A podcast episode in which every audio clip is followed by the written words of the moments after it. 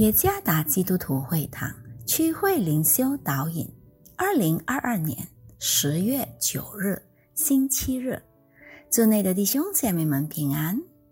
今天的灵修导引，我们将会借着圣经以西结书第三十六章二十六节来思想今天的主题：星星。作者吴恒忍，音乐老师。以西结书三十六章二十六节，我也要赐给你们一个新心，将心灵放在你们里面，又从你们的肉体中除掉实心，赐给你们肉心。一个脏兮兮的蓄水池是无法容纳干净水的，因为它里面本身是脏的。也长满着苔藓。要从蓄水池里取得干净水的唯一方法，就是先要把蓄水池里的水完全倒空，并彻底的清洗，过后再把干净水重新装入蓄水池里。心也是如此。今天的灵修经文里。谈论有关心心，心心与心的思想、智慧和理解是息息相关的，并且都是来自上帝的恩赐。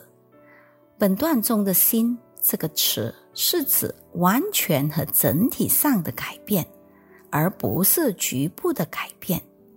一颗心心只赐予那些真正想要被上帝使用的人。犹如以西结所经历的那样。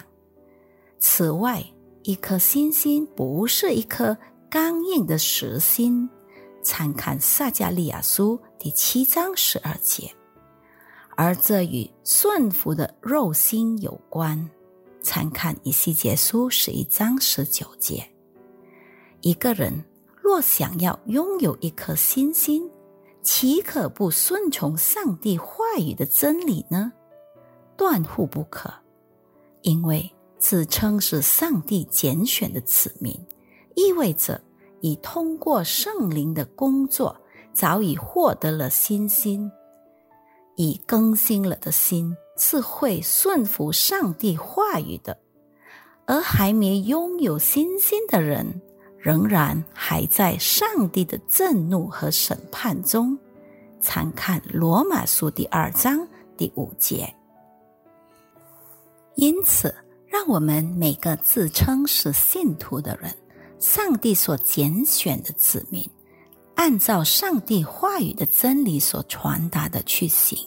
参看罗马书第二章十三节。除此以外，让我们拥有作为上帝重视奴仆的生活态度。参看罗马书第六章十六节，以及让我们的顺服不再优先于人。而是上帝。参看《使徒行传》第五章二十九节。